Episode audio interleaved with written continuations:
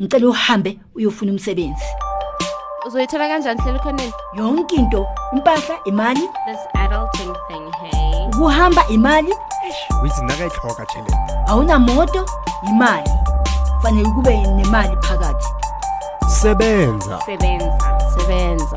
Yava mntanam? Sebenza. Welcome back to another Sebenza Live Behind the Hustle. I hope you guys are feeling the heat coming in. I'm excited. Um, Doza, are you? I don't know if I'm that excited. What kind of a heat are you talking about? I'm talking about the, the spring heat. I, I, I, I'm, I'm, I'm, I'm wearing less clothes, and I'm, you know, I'm not, a, I'm a spring baby, so I'm, yes, I'm quite yes. happy. That's good for you. I'm a winter baby, so I'm gonna miss home. Ah, no. okay, we're not talking weather. It is behind the hustle with Yes, Sebenza it is. Live. Um, and today we have a very interesting guest, one that is quite. Many people will bow down if they were to see him today. Gregory, how are you? I'm very well, thank you, and so good to be here.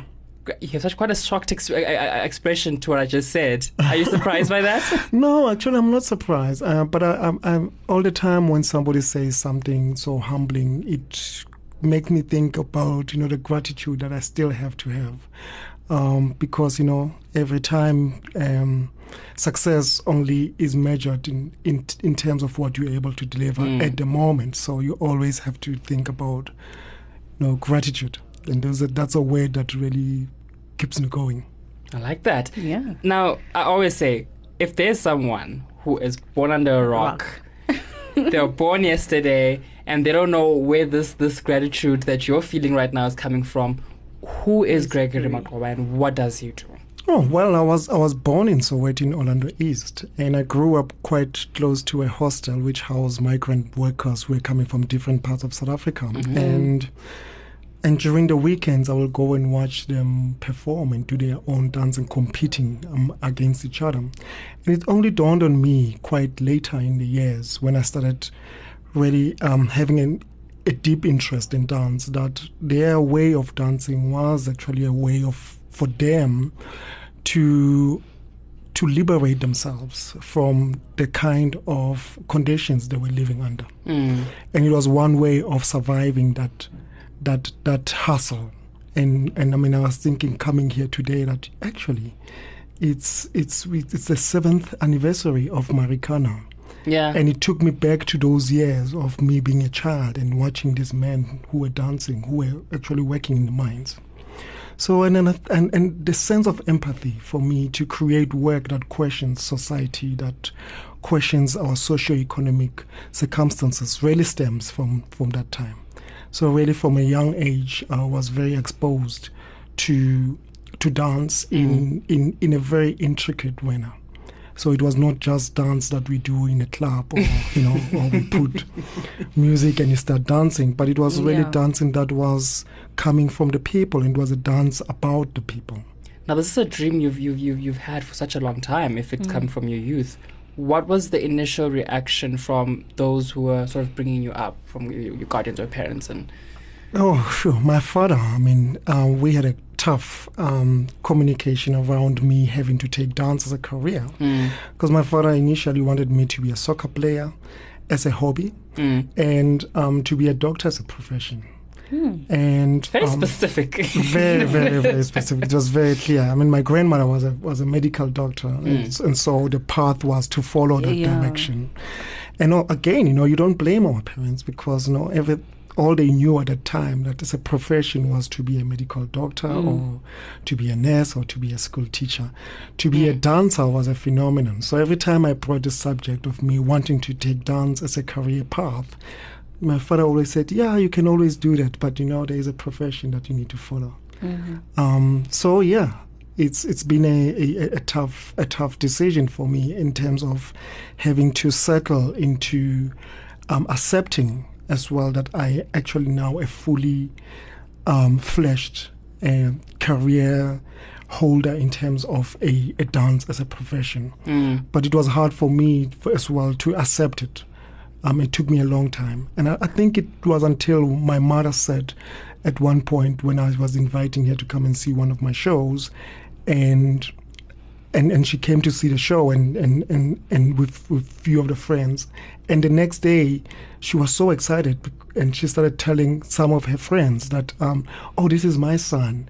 and he is a dancer. Mm. And for the first time, it was that acceptance of of, of my career and, and my, my, my mother recognizing that it is my career.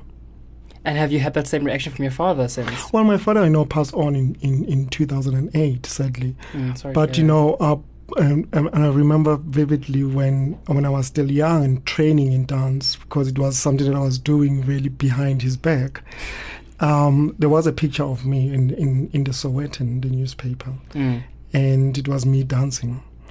And he he saw the picture, and I, I came home, and he was holding the same the same newspaper, and and he he just smiled and and for me it was also like an, an affirmation that you know he's accepting somehow of what I was planning to do or what I was doing at the time even though it was happening behind his back Mm. but I, I wish you know I would have had a conversation with him about the seriousness of a career uh, that is seen as unconventional um, and for him to see the kind of success that is not just my success, but is a success that I also share with um, a whole other people who are part of my team at Vuyani Dance Theatre. Now, there are so many young, especially black um, um, um, children out there who understand the difficulty of getting into an unconventional career, as you put it. How did you navigate that world of, I, I don't know anything about dance, let me learn and let me become Yeah. more successful in it? Mm, I was I was always curious as a child. I, I wanted to learn. I I, I did theater. I, I I I went to to music classes. So I was always curious in terms of the other. Mm. And when I was um, starting to you know starting my profession in dance and moving into dance, that's where I started in 1990. Um, after five years, I wanted to to just go out and, and, and find out what was going on outside my own um, um, you know comfort zone. And i started taking classes internationally. So i went to vienna and taking you know master classes with other choreographers and that opened my mind in terms of the possibility of what this career can give me. And when i was a student at uh, Performing Arts Research and Training Studios in Belgium in 1998, I started creating my own language in terms of choreography. And in 1999, I created my own company. I was supposed to stay for three years, and I stayed one year because I felt actually my mission for being for being part of this program um, was to find myself, and I felt you know in that one year I had a, I had accomplished that, and it was for me to come back home and to really um, be part of the changing landscape, artistic landscape. And that's how Vuyani Dance Theatre was created. So this year we're 20 years. Wow. I'm clapping. I know it's sound very terrible on, on the podcast, but I'm Yeah. clapping there. um, tell us about the founding of, of Vuyani Theatre and, and, and what was the initial mission of it? The mission of of, find, of founding Vuyani Dance Theatre for me was to you know to be part of the the changing um, artistic landscape of the country. I realized that for for many years I was really under the leadership of um, white institutions in dance, and we were the teachers were were white, and um, and the the teaching was very Eurocentric Yeah. in terms of the form of dance. And I and I wanted to create a platform where as black dancers and choreographers and storytellers we can come together and share something and inspire each other. And that was the initial vision of creating Vuyani Dance Theatre. And now it has grown to be a training institution as well. Um, and apart from being a training institution, we, we are a full time um, dance company. It was the, one of the first black dance companies to be full time in this country. And, and that still exists. Wow. And what have been the successes and the challenges so far that you have experienced within your dance company? Yeah, the successes are many, and uh, um, you know, I, I look at myself and I, I always say, yeah, I am a success story um, for this country, but also in terms of Vuyani Dance Theatre, we've pr- produced, you know, award-winning works um, that tour um, international. We've been to over 100 cities already. Um, all over the world, and we're still opening new doors and new avenues.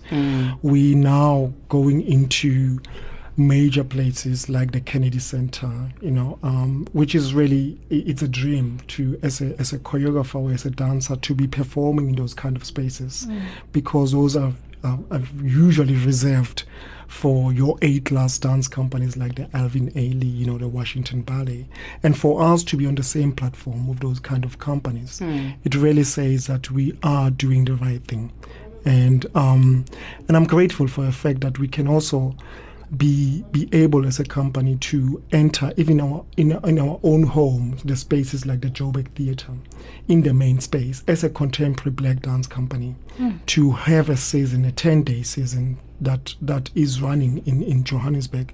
That in its own is a phenomenon and it's for the second time we're doing it and we are still the only dance company that has had a, a season in the main stage hmm. of the Joburg Theatre and that in its own is a phenomenon. When I when I think of, of, of talent, I always say your talent is your business.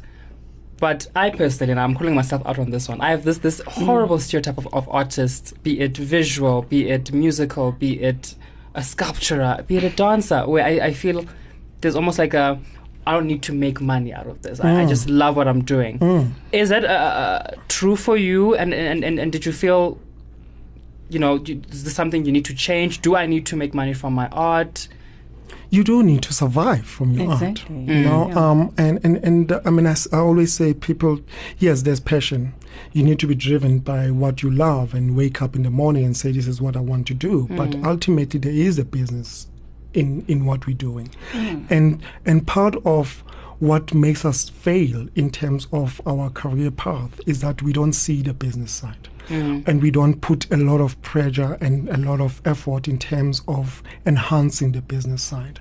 And for us as Vuyani Dance Theatre as a company, we've always said, okay, to ourselves, how do we balance balance the scale and ensure that as much as we are responding to socio-economic circumstances, responding to our own stories, how do we ensure that um, in doing so we also are creating a business model which is successful. So that's the reason now we are looking at creating productions that are of um, international value. Um, and those productions are a that are bringing money because they're an export market. You know, they they really are um, are taking the world by storm, and and we need to ensure that that it continues in terms of our, us scaling up in terms of our productions because we want to produce works that are at the scale of the Lion Kings and you know and because that, that in that way we we also ensuring the that the creative economy is healthy in, in our country but also ensuring that we creating employment for our dancers It's also sustenance of of of of, of, of talents in a way. Yeah, sustain that it is always going to be there. Um, I guess my next question is is is where do you see dance going in the country before I go continent? yeah Where do you see it going in the country? Well, I think you know dance is exploding in, in our in our country, and and I, and I'm and I'm also excited to see that institutions that are state funded, like the Market Theatre, your um, Pretoria State Theatre, are also coming on board in terms of now regularly programming dance, and and and that is in, is important because uh, without institutions, without spaces that we can um, put up these works, then you know it's very hard for us to be able to be creative um, and to generate you know works without them having a platform for them to be to be to be performed. And first and foremost, we're creating these works as a response to our society. So we need our society to ex- to experience and ex- ex- experiment with them first than the world. You know, then the world is, is it's an oyster. It's already there. Yeah. But our own country, it's really where the meat is, and then that's where we want the, that work to sit and to be to be appreciated. Um, so there is a, a healthy um, growth in terms of um, artists creating work and um, developing themselves as individuals and, and individual companies growing. But there is a still that struggle in terms of support. Support from the public sector, but Yeah. also support from, from individuals. And uh, as for, for your company, do you guys also, let's say, you know, as young people, eventually if something happens, you get injured and you cannot dance anymore, do you have any other programs or any sort of other ways that you can encourage young people that, you know, you need to have something else to fall back on if something actually does happen to you while Even if you do stay involved in, in with yeah. the dance, yeah. Yeah. Yeah. No, absolutely. I mean, um, within our training program, we also emphasize the fact that it, it it's not just about your body. You also have to um, extend your curiosity outside, you know, the the, the studio. So um, we encourage them to look in terms of what other interests do they have. For instance, um, some of them have uh, um, through our training program, they've realized that actually my first love is not actually the dance, I- it is making music. So we've got, um, or some of them have realized that it's actually about, about making costumes. So some of them have gone to take design as, as a first, you know, career path. So we've, we we do explore the, the the facets of the art that they are involved in, and for them to choose which one best suits them. But also to say to allow themselves to be able to fall into something else should the other one fail. Th- There's a big shift in, in, in how we, especially as the black community, have engaged with our art from the stage to, to, to, to exhibitions um, compared to the 80s and the 70s. Because I look at that, that back then, people were attending uh, um, um, um, um, theatre shows, people cared, it, it was important, there was something to be said. Yeah. What do you think shifted that? And is it coming back to, are people going back to theatre shows, especially ones for dance? Yeah, I mean, there's there's so much competition now. You know, there's there's so much that uh, people are um, exposed to in terms of entertainment. Um, even in our townships, you know, there's so many shebeens, there's so many joint places that people can go to. There's restaurants are popping up. Um, there's there- there's just so much. And again, you know, there's there's social media which we we spend you know a lot of time on on our social pages. Um, but you know, there's still that that that um, um, love for theater, which is an experience that no nothing else can give you because you know it's it's it's in the moment. It's something that you experience at the moment because it touches on all the senses. It's it's it's your visual, you know what you're seeing, but it's also what you're feeling. So it, it's something that that it cannot be taken away. Um, so theater still plays a major role in terms of touching on, on the soul and, and speaking to the soul directly, more than any other media form.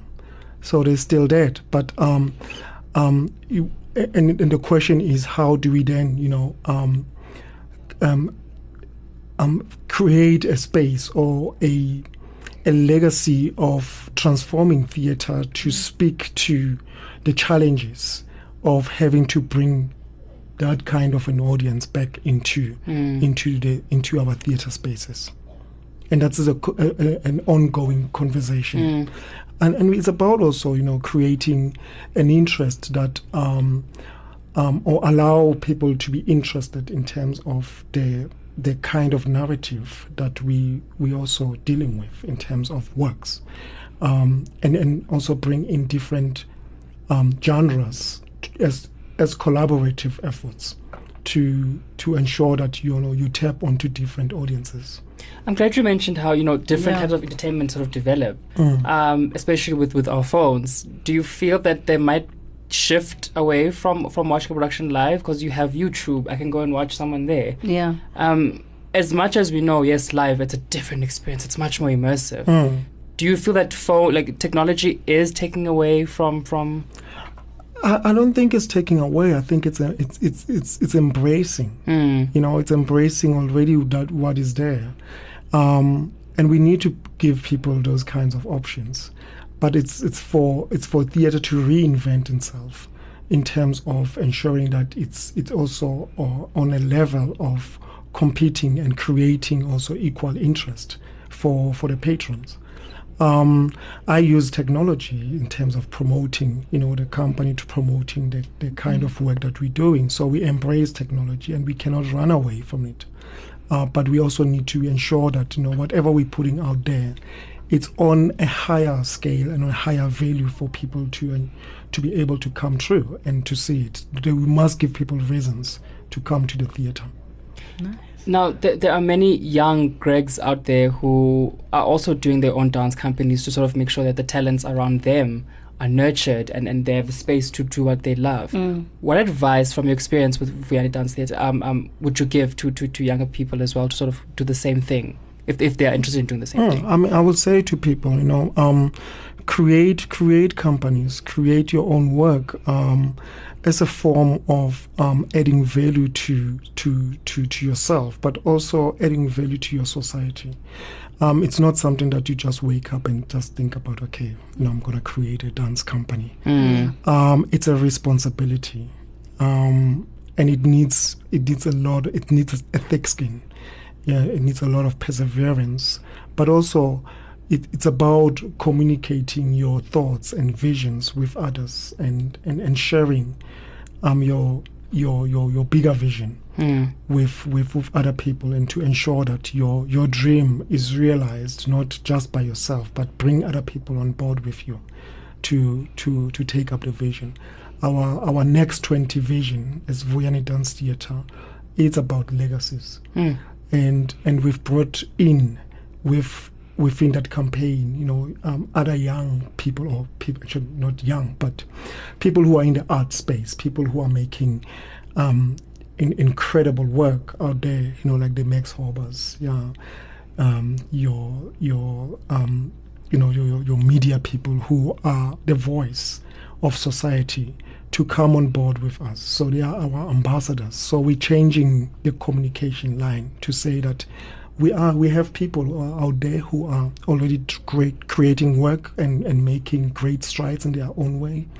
And, and we want to partner with them in order for them to communicate also our vision. And what is the base uh, age to start like dancing like professionally? Um, And can an old bone like me, well over 22, still still get back into dance actually? You can. I mean, um, I I started as uh, at the age of of 15, and, and a lot of people say, you know, within the Eurocentric sense, it's, they say it's it's too late. Um, because you you know, in terms of classical ballet, you start you know from the age of five, six years old, because you know. You you go by semanzi, you know. You Yeah. have to be, you have to be still supple to, to be able to do all these kind of things that classical ballet demands. Um, but you know, in terms of contemporary dance, because in in in our case, we it's very much centered around the African um, na- notion of of storytelling. So it is about people who come in with their own stories. If you've got something to say, and you it's burning you so much, then there is a possibility that you can still, you know, even at the age of 30 years, jump on stage and be able to do it. Hmm, I love hmm. that. and then the funding when you guys go overseas, how's that? Uh, do you guys get like proper funding or what happens? I mean, to go overseas is a business. We it's, mm-hmm. it, we're selling. We're selling our productions. So there is, um, we, we we've got a marketing department which goes out and, and sell our productions to to theaters, to festivals all over the world. And and we, we, we communicate literally on a business on a business level. So they, they, they buy the production, and that's how we we trade uh, with the world. Um, but here at home, in order for us to to make and create the work, I, I I have a conversation with funders, and I say to them, you know, invest in this production so that your funding can be tripled. Because if you're giving us 100 rands, I need to ensure that that 100 rands makes 300 rands. I love So that. it's a kind of conversation I have. and speaking of the productions, I know you have one coming up soon. Can you tell us more about it? Cion, um, Requiem of Ravel's Bolero, which is at the Joburg Theatre from the 5th to the 15th of September. Mm-hmm. Um, it's based. It's a. It's it's a requiem. It's based on a. I was fascinated by the story of Toloki, the character that is developed by the author Zakes Mda in his books, um, Ways of Dying and also Cion. So I, I was interested in terms of this character of again an unconventional career of being an, a, a professional mourner who goes into into funerals and allows people to mourn the death. Mm. And I was looking at that and thinking, gosh, you know, we, we are so confronted with death so much in in our lives that we don't even take a moment to pause to mourn Mm. for for the death. Um, each day, you know, you learn of someone who has who's, who has passed on your or, um, that you know of, or or, or or or so much death that is that is that is right onto our doorsteps that um, it doesn't frighten us anymore, and and that frightens me. Mm. That you know we've we've we've we've lost the fear, we've lost the respect of death. So yeah, um, Cion is a is a requiem, it's a lament, and I'm, I've I invited Soweto Gospel Choir to be on stage with us in, in This twenty going to be and like- twenty dances. so it's epic. It's it's really it's epic, and it sets in in, in in a graveyard, but you know it's not sober. It doesn't leave you feeling um, depressed. Mm. You know, um, it, it's very inspiring. It's it's a it's a it's a work that has won already an audience prize in Holland. In in terms Another of, clap there. you know, um, and, and and continues to open doors all over the world. And Mm. it's going to the Kennedy Center in in Washington D.C. and the Joyce Center in New York and other places as well. So it's, it's starting to travel quite extensively. But I'm, I'm I'm grateful that we can still share that work with a wider audience in in Johannesburg, An audience at home. an audience at home. Mm. Yeah. Well, I'm expecting a lot of goosebumps from this production, so I look forward to the success of There it. There will be. I mean, now I'm in rehearsals and I'm and I'm getting goosebumps. each time, you know? Well, thank you so much for joining us, Gregory. Thank I you think so much. we have to cut it short. I mean, we could chat all day, but we do have to cut it short here. Um, thank you so much for joining us. thank you, thank you for having me. It's been a pleasure.